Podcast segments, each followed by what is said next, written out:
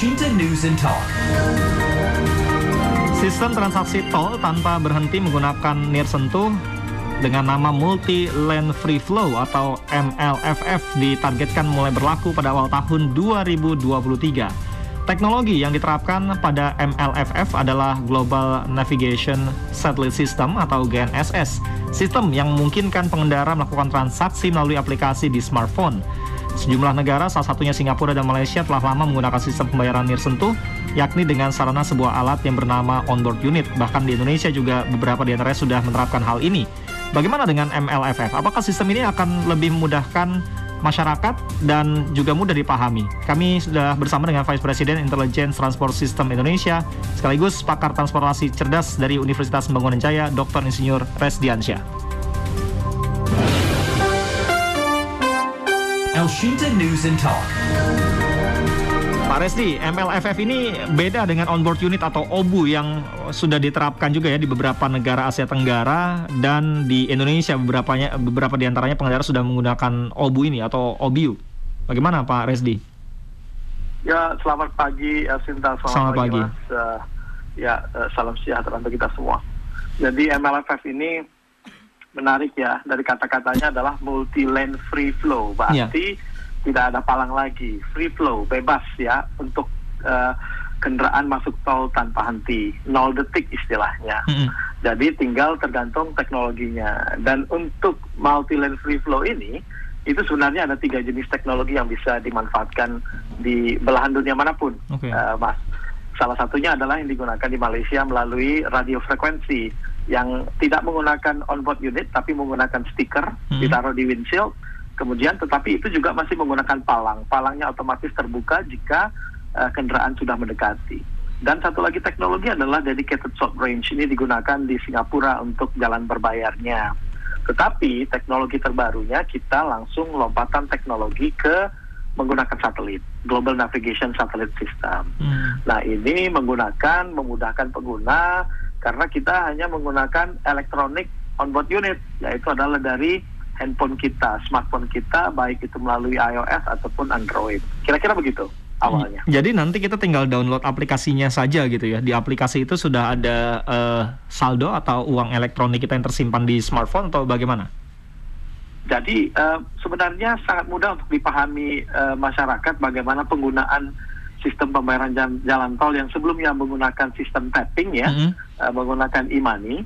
Jadi kalau e-money itu kan uangnya kita ada di kartu. Kartu, betul. Ada di chip kartu. Kita harus top up nah, dulu. dengan top up semua, sistem mm -hmm. top up uh, hampir sama. Mm -hmm. Tetapi uang kita ada di kartu. Bayangkan kalau kartu itu hilang, Mas, maka uang kita juga akan ikut hilang. hilang iya. Dan mungkin uh, kalau ditemukan orang lain akan digunakan. Tetapi sistem yang sekarang melalui GNSS ini, sistem pembayaran dengan MLFF GNSS, uang kita ada di server.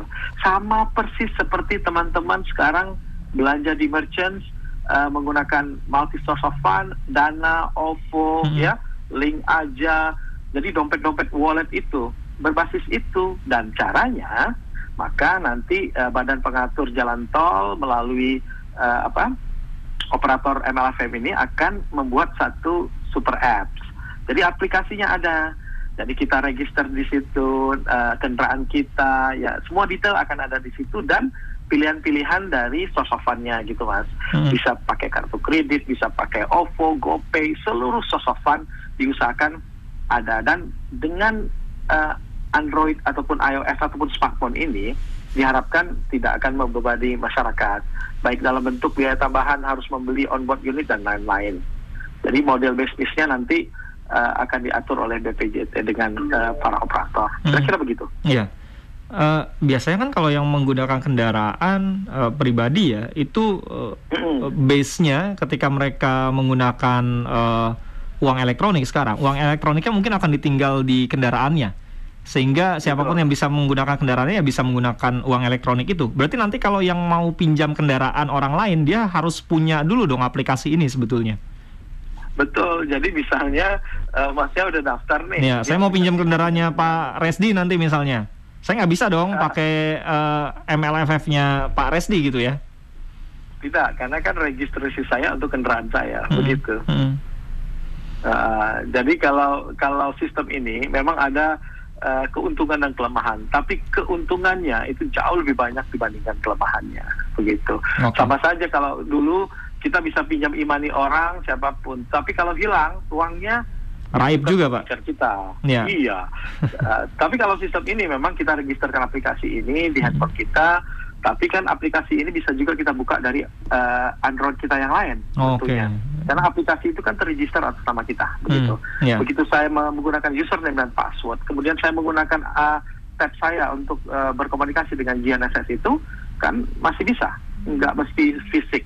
Uh, handphonenya uh, karena uh, obunya itu electronic onboard unit itu ada di dalam aplikasi yang kita registerkan, hmm. bukan di handphone uh, apa pun yang kita gunakan gitu. Jadi kita bisa buka aplikasi kita dari device apa pun yang kita punya. Ya. Begitu. Pak Resdi, kita ajak pendengar untuk bisa menyampaikan pendapat ya, atau ada oh, hal boleh, yang boleh, ingin boleh, diketahui boleh. dari sistem ini MLFF Multi Lane Free Flow. Jadi ya, akan ya. di uji coba atau mulai diberlakukan. Saya sih sempat baca-baca ya dalam beberapa pekan terakhir ini katanya di Tol Trans Jawa dulu yang akan diterapkan dan lain sebagainya. Nanti kita bahas juga mengenai hal itu. Yang lain boleh uh, menyampaikan pertanyaan juga via SMS atau WA di 0811806543. Ada Pak Hendriawan ya di Jakarta Timur via telepon. Pak Resdi, halo. Pak Hendriawan.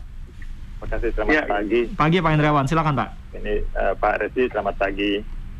Selamat pagi Pak. Ya, uh, mohon paparannya tadi udah menyimak tapi masih agak bingung benar tadi disampaikan Mas Berry uh, hmm. itu kalau yang register di uh, gadget kita rata-rata punya kita sendiri nggak dipinjem-pinjemin tapi kalau kita lagi pakai kendaraan orang lain yang terregister itu hanya berdasarkan by name-nya dari gadget kita atau juga nomor plat mobil kita juga itu yang pertama. Jadi, nah, ya, nanti nanti ditanggapi Pak Resti. Kita, kita tampung dulu ya. Lewat radio hmm. ya Pak Resti izin. Nah yang keduanya untuk sensornya sendiri yang uh, ber, berdasarkan apa? Dari ke gadget kita langsung uh, di gerbang itu atau ada yang harus kita pasang stiker seperti pada RFID-nya yang saat ini? Uh, kedua. Yang ketiganya uh, bicara urusan kalau yang kartu kemarin kan masih ada kalau saldonya habis pinjam yang belakang bla bla hmm. bla.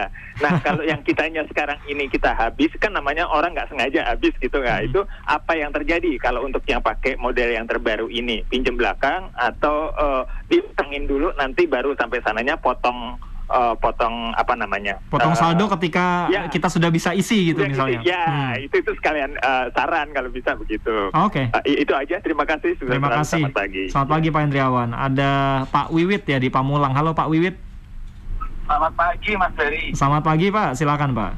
Dengan Bapak siapa Pak? Narasi Dengan Pak Resdiansyah Pak, silakan. Ya, bisa. Ya, selamat pagi Bapak.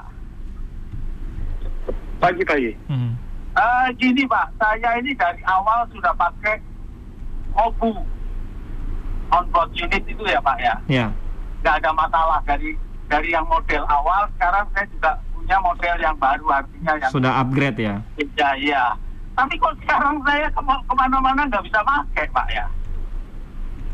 Selalu uh, orang jasa marga nanti datang, yo Pak maaf mesinnya lagi rusak. ya, jadi malu banget saya kan misalkan di di tempat yang uh, ada setnya merah warna merah itu kan nggak hmm. ada yang berani masuk kecuali yang ada. Nah saya masuk lama pasnya oke, okay, pas oke, okay, tapi nggak bisa buka. Kenapa ya Pak? Oh oke, okay. ini uh, lain hal mungkin Pak ya dari apa yang kita bahas di pagi ini Pak. Oh gitu. Uh, beda Pak, ya? Ya beda, tapi maksud saya kalau mau diganti ya ini mesinnya harus masih berlaku gitu loh. Jadi hmm. saya masih bisa menggunakan yang lama. Kan mau ganti ke smartphone misalkan kan gitu. Iya. Nah, ini kan ada ada alatnya kalau sekarang kayak ya pokoknya ada lah alatnya selalu dipasang di dashboard ini. Hmm. hmm, hmm. Ini ini nggak berlaku lagi itu jadinya. Baik. Terima kasih, selamat pagi. Terima kasih Pak Wiwit. Kita ke penelpon ketiga dulu Pak ya. Kita tampung dulu ya, nih tiga ya. penelpon, nanti baru dijawab oleh Pak Resdiansyah. Ada Pak Hendrawan di Kemayoran Jakarta Utara. Halo. Halo, selamat. Pak Hendrawan ya, mohon maaf. Pak Hendrawan ya, silakan ya, Pak. Ya, selamat mampir ya. Iya, silakan Pak dengan ya. Berry Pak di studio dan Pak oh, iya, iya. Resdi. Selamat pagi Pak uh, Naras. Ini uh, men, apa penelpon yang pertama tadi saya coba uh, melengkapin ya. Kan berbasiskan GPS ya, berarti pakai Android. Nah, kalau sumpamanya kita naik bis nih, kalau memang sensornya melalui Android, tiba-tiba hmm. saya naik bis nih, bis kendaraan umum, hmm. itu termasuk tertagih melalui Android itu melalui GPS gitu. Ya. Jadi Meta... apa kira-kira sensornya gitu? Hmm. apa? Melalui handphone aja atau ada yang seperti tadi Bapak penelitian pertama uh, sensor yang terkait dengan unit gitu. Kalau dengan Android saja, misalnya handphone saya saya lagi naik bis, eh, Ntar jangan-jangan saldonya Bapak yang kepotong ya? Ah, iya, Bukan punya supirnya gitu. Ah, saya naik bis nih. naik bis kan. Oke. Okay. Tol, ah, lagi jadinya kan gitu. Baik. Ya, Terima kasih Pak Hendrawan di Kemayoran, Jakarta Utara. Saya juga baru kepikiran nih, gimana ya kalau saya naik angkutan umum, kemudian di smartphone saya GNSS-nya atau MLFF-nya ini uh, aktif gitu. Yang kepotong saldo saya atau saldo supir? Gimana Pak? Silakan bisa ditanggapi dulu tadi. Mulai dari yang terakhir boleh, Pak Hendriawan dulu boleh, Pak Wiwit juga boleh. Silakan. Kalau terlewat saya catat mungkin beberapa poinnya. Ya, mungkin uh, update yang pertama dulu Mas. Boleh, boleh, boleh. Karena langsung banyak pertanyaan yang ya. tadi kira-kira uh, mungkin saya diupdate yang pertama tadi. Hmm kalau ini registernya uh, pakai apa ya katanya Pak? Oh, tadi okay. kalau Jadi, kita kalau tadi kan saya menanyakan kalau misalkan saya pinjam atau kendaraan saya dipinjam, apakah aplikasi yeah. yang di smartphone-nya ini saya harus pindah tangankan ke orang lain dulu yang mau minjam kendaraan saya? Apakah daftarnya ini saya pakai nomor kendaraan atau pakai smartphone saya atau nomor handphone lah paling tidak seperti itu? Bagaimana? Ya, jadi kan kalau kita mau menggunakan the sistem MLFF ini kan kita register ya, register kan hmm. untuk masuk jalan tol dengan aplikasi itu. Jadi di dalam sistem ini ada kalau seandainya saya ataupun Mas uh, adalah pengguna komuter ataupun komuter di jalan tol, maksudnya yeah. tetap ya hmm. uh, ke sana ke sini selalu kita, itu tentunya kita registerkan kan ke dalam uh, electronic onboard unit kita kan hmm. di handphone kita. Maksudnya semua data kita ada di situ. Karena apa? Ini berkaitan dengan of fund kan uh, registrasinya menggunakan kartu kredit saya nanti akan dipotong ataupun menggunakan OVO saya ataupun menggunakan apa kan? Yeah. Tetapi untuk mengantisipasi yang tadi teman-teman sampaikan kalau ada yang minjam itu ada juga yang namanya electronic road ticket. Jadi dia tiket sekali pakai oh. bisa dibeli kemudian uh, dimasukin datanya tujuan ke mana ke mana. Jadi jangan dikasih dong itu kan sama aja dengan uh, Mas meminjamkan dompet kita kasih dompet kita ke orang orang bisa bayar seenaknya belanja makan yang sekarang oh. kita lakukan secara digital jadi, jadi jadi sederhananya gini pak ya ada yang memang daily ya. yang kita pakai sendiri tapi ada juga yang memang oh. orang yang sekali jalan kayak saya misalkan nggak tiap hari kan lewat tol misalkan saya mau ya. pergi ke uh, mudik kan nggak tiap hari saya mudik gitu ya. ya itu kan ada ya ada namanya electronic road ticket yang disiapkan oleh eh, teman-teman uh, yang akan me menjalankan uh, apa eh, MLFF ini operatornya hmm. ataupun badan layanan usahanya nantinya kan begitu. Nah jadi jangan uh, khawatir ya, tetapi uh, yang paling penting sama seperti contohnya imani itu kan sebenarnya kalau orang mau pakai pakai, tapi kan uang uang kita kan gitu. Yeah. Tapi kalau ini kan lebih digital ya, semua data kita di situ dan misuse ataupun salah penggunaan bisa terjadi. Jadi dikasih alternatif dengan electronic road ticket tadi. Kemudian ada lagi pertanyaan. Sensornya itu ngebacanya pakai berdasarkan apa tadi? Kalau kalau Pak Hendrawan, nah, ini melengkapi uh, pertanyaan Pak Hendrawan tadi sebetulnya. Kalau kita betul, naik betul. bis, eh, gimana nih? Jangan-jangan yang punya saya yang kepotong? Enggak, jadi begini sistemnya. Karena kan ini menggunakan yang namanya Global Navigation Satellite System, mm -hmm. ya, bukan bukan hanya tracking GPS. Kalau Global Positioning System kan tracking, ya. Yeah. Nah, Global Navigation Satellite System ini itu akan mendeteksi jika handphone kita kita on-kan. On-kan handphone saja tidak bisa deteksi, aplikasinya harus diactivated. Jadi kalau seandainya uh, tadi Pak Hendrawan naik bis, ngapain diaktifkan uh, aplikasi MLFF ya?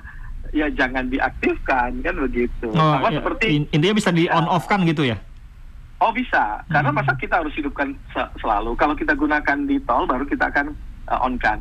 Tetapi dengan Android ini kan juga pasti ada tantangan ya, seperti yeah. yang disampaikan oleh Mas Hendrawan tadi kan baru terpikirkan oleh masyarakat. Lah, kalau saya uh, uh, apa naik bis ataupun saya menumpang teman, apakah saya juga ikut dicas? Uh, jadi pada sama seperti kalau uh, kita tapping, masa kita mau tapping dua kartu, kartu saya juga saya tapping secara manual, tidak hmm. kan? Kalau saya simpan kartu saya kan tidak dipakai kan hmm. begitu. Hmm. Tapi memang ada kendala, ya ada kendala. Ada beberapa senario seperti kalau handphone itu dimatikan dengan sengaja, ya, yeah. masuk kan udah nggak ada palang nih, pengguna palang. Hmm. Masyarakat itu ada yang dengan sengaja matikan handphone, dikira mungkin bisa gratis ya. Memang hmm. tidak terdeteksi, tetapi uh, apa Badan Pengatur Jalan Tol bekerja sama dengan kepolisian juga menerapkan ETLE Electronic Traffic Law Enforcement. Kendaraan yang masuk itu bisa terekod plat nomornya, kemudian uh, apa seperti biasa akan ada penindakan uh, enforcement secara etik. Kalau itu tidak sengaja, seperti ya, seperti tidak diposisikan pada posisi yang benar, sehingga yeah. tidak bisa menerima sinyal.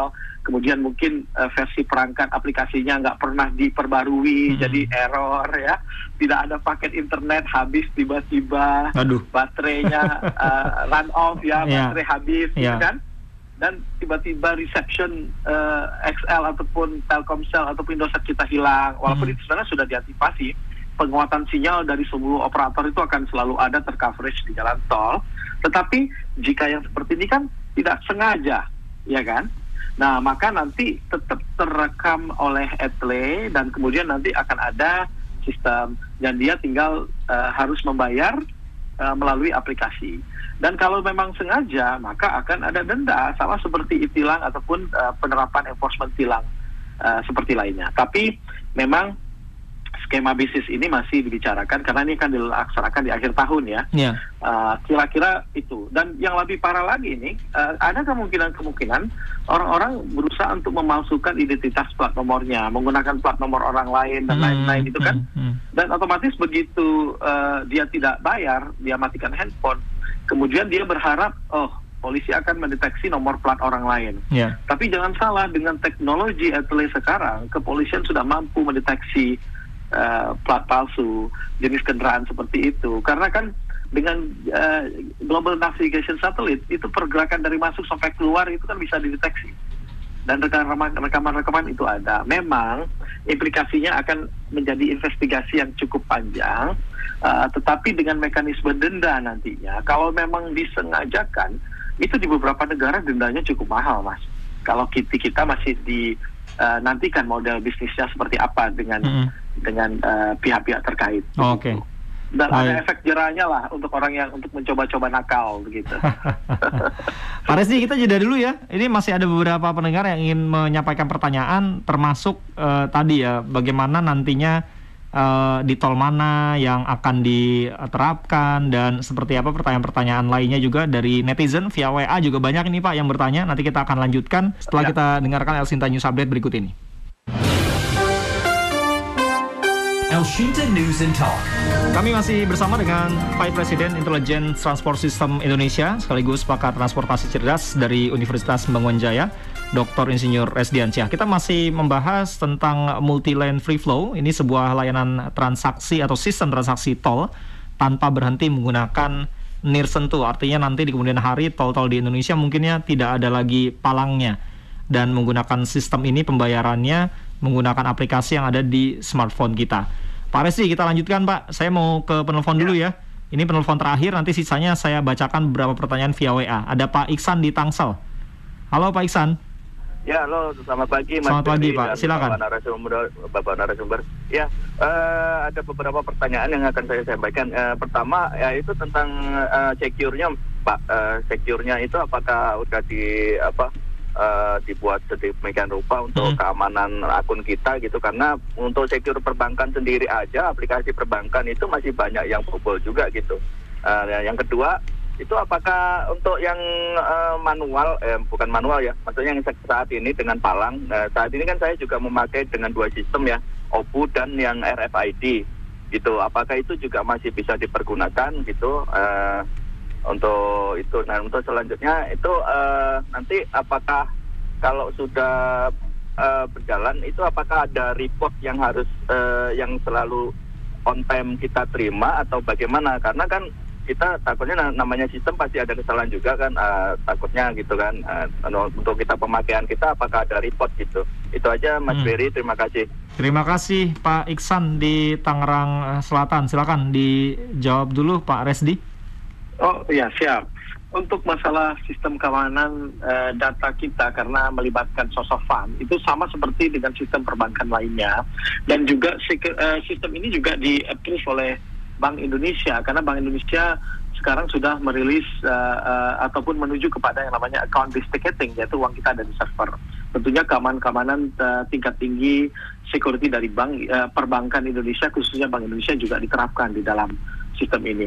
Kalau ada kebocoran-kebocoran itu uh, isolated cases contohnya kita ter, ter, ter uh, apa terekspos kepada uh, apa uh, beberapa uh, spam ataupun uh, apa uh, phishing dari username dan password kita. Nah, untuk itu memang kita harus sama-sama menjaga ya. Hmm. Tapi uh, prinsipnya sama dengan seperti yang kita gunakan sekarang. Pada saat kita menonton bioskop, kita membeli tiket secara online, kemudian kita uh, berbelanja menggunakan uh, GoFood dan lain-lain. Sistemnya adalah sosofan seperti itu, uang kita ada di server, kita simpan di situ. Tergantung nanti security-nya bagaimana penggunaannya, Mas dan kita harus tetap berhati-hati dan tidak mungkin 100% perfect kalau kita sendiri gagal uh, untuk uh, secure kita punya sistem khususnya username dan password ini sangat penting karena melibatkan hmm. uh, multi source of fund kita begitu. Iya. Dah. Ada yang uh, menanyakan juga seberapa efektif. Ini kan kalau dibaca istilahnya tadi ya uh, multi lane free flow. Artinya tidak ada ya. ya palang lah yang akan menghalangi pada saat kita melintas di gerbang tol. Seberapa Betul. cepat sih sebetulnya transaksinya ini? Karena uh, ada beberapa pertanyaan termasuk saya secara pribadi juga kadang-kadang kalau pakai uang elektronik ngetap dan pembacanya itu mesin readernya itu lama kadang-kadang. Harusnya ketika kita ngetap ya sekitar sepersekian detik palang bisa kebuka nah kalau untuk transaksi yang sekarang ini kan harusnya jauh lebih baik ya dengan uh, dibandingkan dengan kita transaksi menggunakan uh, uang elektronik tadi Pak Resdi bagaimana Pak? Karena tanpa palang pastinya nol detik karena begitu teman-teman melewati gantry, dia hanya ada gantry ya hmm. yang berbentuk kayak tiang gawang begitu. Iya, iya. Jadi teman-teman tetap uh, speed seperti biasa melewati uh, ruas jalan tol hmm. dan uh, dengan dengan dengan uh, condition bahwasanya uh, aplikasi MLFF-nya harus on ya pada saat sebelum memasuki pintu tol sama-sama hmm. seperti kalau kita sedang memasuki pintu tol kita sudah mempersiapkan imani kita dong. Iya. Ya saya kan? jarak sekitar nah, 5 meter udah nyiapin tuh biasanya. Ya, dan hmm. kita juga harus begitu, attitude kita juga harus begitu.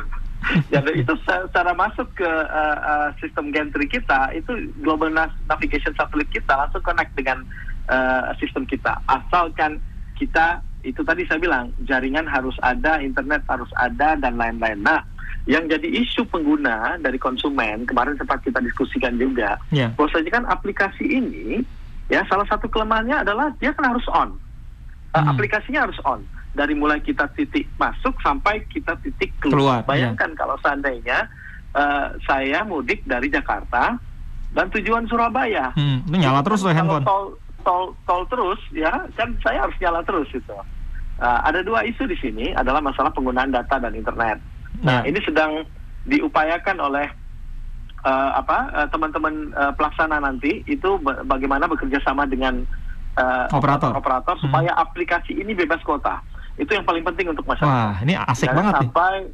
betul. Tapi baru dalam uh, ini uh, pembicaraan antara uh, uh, pengelola itu hmm. uh, MLFF dengan uh, seluruh operator kita dan saya yakin seluruh operator kita akan support ya. Karena mereka sudah mensupport seluruh jaringan tol di Indonesia, mereka sudah perkuat sinyal 4G-nya. Yeah. Jadi no no no reason lah, uh, hanya isolated cases lah nanti kalau seandainya ada Eh, hal-hal uh, yang tidak terbayarkan. Nah, untuk itulah ada mekanisme. Kalau saya orang yang tidak nakal dan memang saya mau bayar, eh tiba-tiba sinyal saya hilang, yang kan tidak sengaja kan itu. Hmm, hmm, hmm. Nanti di, di dalam sistem etle begitu saya dapat surat cinta misalnya ataupun sistemnya digital uh, alarming saya tidak membayar, nanti ada ada mekanisme mekanisme yang memudahkan masyarakat untuk menyangga saya uh, apa baterai saya habis atau bagaimana cukup nanti membayar uh, biaya tolnya. Dengan mungkin kita berharap ya dari ITS Indonesia juga uh, pemerintah juga uh, uh, memikirkan hal ini bahwasanya denda tidak ditiadakan setelah kalau investigasi dan dinyatakan benar itu tidak sengaja, kecuali sengaja ya. denda wajib dibayarkan. Oke. Okay. Nah, nah, sedangkan uh, ya ada lagi? Hmm, ya, ini ada pertanyaan. Uh, kan tadi informasinya di awal tahun 2023. Apakah awal tahun itu betul-betul uh, pelaksanaannya totally sudah firm semuanya 2023 atau sebelum itu akan ada uji coba terlebih dahulu atau dua, awal tahun 2023 uji cobanya Pak? Gimana Pak Resdi? Itu uh, informasi yang saya dapatkan dari Badan Pengatur Jalan Tol dari Prof Danang Parikesit ya kepala hmm. uh, BP BPJT uh, JT hmm. itu kan uh, pakai sistem tahap. Jadi ada tahap pertama, kemudian diuji coba dulu ya, kemudian akhirnya jika sudah uh, yang penting uji coba ini proof of concept ini mereka sudah mencapai angka di atas 97 persen mungkin kan 90 persen, maksudnya tingkat akurasi ini paling penting. Kemudian uh, akan dilakukan di tol ruas mana dulu sebagai uji, uji coba tahap pertama di tahun ini dan kemudian nanti proses itu bertahap sampai nanti tersebar ya di ruang lingkup uh, uh, per tol yang tersebar hampir 40 ruas tol di Jawa Bali. Yeah. Nanti akan lanjut ke Sumatera dan ini bertahap sampai akhirnya nanti 100% kalau saya tidak salah di tahun 2024 itu oh. sudah uh, mencapai penuh. Jadi uh, se secara bertahapnya teman-teman nanti masyarakat tidak perlu khawatir karena informasi yang kita dapatkan juga bahwasanya ini kan masih uji coba dan tidak 100%. Pastinya teman-teman yang sudah punya obu fisik seperti lainnya itu yeah. uh, gradually pasti akan uh, paralel ya. Sama seperti dulu waktu kita terapkan imani kan. Iya, itu banyak pertentangan juga tuh di awal-awal. Tapi lama-lama masyarakat kita biasa ya. Akhirnya bisa karena biasa. Saya ngebayang saya nggak bayangkan gini mas. Dulu juga orang ribet nih, nih bayar pakai kris bayar pakai OVO gini. Sekarang nggak jadi bawa. iya jadi gaya hidup ya, sepertinya begitu. sekarang. Gaya hidup mm -hmm. lifestyle dan lebih nyaman karena uang kita secure. Kita bisa komplain kalau iman uang di chip itu kalau kartu saya hilang jatuh. Saya mau komplain ke siapa? Hmm nggak iya. bisa yeah. gitu. Jadi Ap semakin apalagi lama, hmm. teknologi hmm. ini semakin baik. Gitu. Ya, apalagi sekarang orang lebih takut ketinggalan handphone dibanding ketinggalan dompet biasanya ya. Nah, semuanya udah ada di smartphone. Salah satu, salah satu kenapa uh, ini juga menjadi wacana yang baik untuk okay. kita. Dan ini nanti inline dengan kalau Jakarta uh, apa akan menerapkan electronic road pricing mm -hmm. ya, kemudian teman-teman uh, bayangkan keluar dari tol, kemudian masuk Jakarta, kemudian parkir menggunakan sistem yang sama, kemudian teman-teman naik MRT, udah nggak perlu lagi mikirin saya harus uh, punya pembayaran yang berbeda-beda ya dengan sistem uh, apa sistem pembayaran account based ticketing melalui uh, server ini mm -hmm. uh, bisa terintegrasi ke seluruh okay. ekosistem kehidupan kita itu yang penting. Baik. Ini uh, ada Pak Edi yang pertanyaannya tadi sudah dijawab, tapi terima kasih Pak Edi via WA. Kemudian Pak Ade juga ya, kalau tadi internetnya atau kuotanya habis dan lain sebagainya, antisipasi kalau offline itu bagaimana? Tadi sudah dijawab juga oleh Pak Resdi, ya. Pak Ade terima kasih. Nah ini yang belum terjawab. Ada Pak Kasdi, ini mungkin sebagai penutup juga ya. Kalau ya. uh, menggunakan handphone ya di aplikasi ini, mm -hmm itu berarti kita sudah menentukan di awal ya rute tol mana yang akan kita lintasi sebelum berangkat jadi kita sudah menentukan terlebih dahulu apa kita bisa ngerubah rutenya misalkan Oh kalau uh, yang rute sekali itu untuk yang elektronik road ticket yang sekali sekali pakai. jalan ya, sekali pakai. Ya kalau seandainya kita sudah registerkan saya Resdiansa, registerkan nomor mobil saya, sosokan saya semuanya, saya mau pergi ke mana saja itu satelit yang di tag, nggak usah khawatir. Nggak perlu lagi menentukan rute tol di awal ya, kecuali yang tadi sekali pakai tiketnya. Iya, itu otomatis terdetek masuk pintu ger, uh, masuk gerbang mana, nggak ada palang lagi ya, hmm, nggak ada hmm, pintu hmm. tol ya. Masuk mana, keluar mana itu terdeteksi melalui teknologi Global Navigation Satellite System. Jadi ini uh, memudahkan kita dan juga uh, apa pergerakan di jalan tol itu diketahui masuknya mana, keluar mana, kemudian sudah tercas saat keluar, kemudian eh tiba-tiba mau masuk lagi nih Nah, kemudian masuk lagi gerbangnya lagi itu ada gerbangnya itu tidak berpengaruh bagi teman-teman. Karena dia tidak ter, dan dipasang dari sisi kiri dan sisi kanan seperti gawang uh, kiper gol itu yeah. lewat aja. Lewat aja dan itu nol detik. Dan masuk lagi terdeteksi lagi. Keluar terdeteksi langsung kepotong uh, sosofan yang uh, uh, kita punya. Hmm. dan uh, kami ITS Indonesia Intelligent Transport System Indonesia ini kan adalah NGO yang memberikan advice kepada pemerintah tentang pelaksanaan seluruh sistem cerdas transportasi di Indonesia. Hmm. Kita menyarankan bukan hanya satu source of fund. In case kartu kredit saya sedang diblok ya. Nah, saya juga ada pilihan OVO, pilihan GoPay, pilihan link aja atau pilihan yeah. apa pun uh, uh, dompet wallet saya. Jadi saya boleh registerkan dengan multi source of fund. Itu yang kita uh, harapkan. Jadi memudahkan jadi jangan orang berpikir, aduh saya cuma punya satu uh, wallet, e-wallet gitu ya. Wallet, nah, hmm. jadi boleh. Uh, Semuanya daftarin ya. Iya. Oke. Okay. Ini mungkin pertanyaannya uh, Pak Kasdi tadi, kecuali tadi yang kita jalannya sesekali ya. Jadi beli ya. tiketnya di awal tol mana yang kita mau akses, berarti kita beli tiketnya untuk melintas di tol itu. Ini jadi saya kayak kayak uh, masuk bioskop, uh, film mana nih yang saya mau pilih gitu ya kurang lebih ya. Ya, karena yang saya dapatkan informasi selain elektronik onboard unit untuk ini juga ada yang elektronik uh, uh, road ticket yang hmm. sekali itu ataupun sekali jalan dua kali jalan atau seperti apa. Dan perlu diingat yang menggunakan handphone ini adalah untuk kendaraan pribadi, memudahkan kendaraan teman-teman untuk masuk. Sedangkan kendaraan ni niaga mereka akan uh, direncanakan masih menggunakan onboard unit di situ. Nah, itu nanti oh. bagaimana mekanismenya diatur. Dan bahkan ada juga itu kalau seandainya uh, untuk kendaraan-kendaraan uh, istilahnya yang uh, emergensi mm -hmm. uh, seperti ambulan ataupun apa pun itu ada ada registrasi deteksi khusus ya. Oh, Kalau okay. di dalam sistem GNSS itu bisa di uh, pre-registerkan seperti itu. Baik. Seperti nanti mungkin mana tahu tiba-tiba pemerintah memberikan diskon tarif khusus untuk kendaraan listrik misalnya kan. Iya, iya, Kita nggak tahu kalau hmm. kendaraan listrik kan nanti platnya tidak tidak sama. Tiga, iya, tidak hitam atau putih kan sebentar lagi mau ya. ganti jadi putih nih. Hmm. Ya, yang saya pahami itu kayaknya latar belakangnya jadi warna hijau karena dia green, green ya. kan. Hmm. Kalau yang sekarang kan hitam, nah, atasnya ada list warna birunya ya, yang ya, electric uh, vehicle nanti, ini. Dengan sistem ini kita sangat mudah mengupgrade fitur-fitur yang mau kita uh, kembangkan karena Baik. sudah berbasis aplikasi begitu. Oke, okay. Pak Resdiansyah terima kasih Pak untuk waktu dan juga penjelasannya Sama-sama. Pak ya. Selamat pagi Pak Resdi. Ya, selamat pagi uh, Elsinta terima kasih. Salam dari Universitas Pembangunan Jaya. Ya. Vice President Intelligence Transport System Indonesia, sekaligus pakar transportasi cerdas dari Universitas Pembangunan Jaya, Dr. Insinyur Resdiansa STMT IPM. Elshinta News and Talk.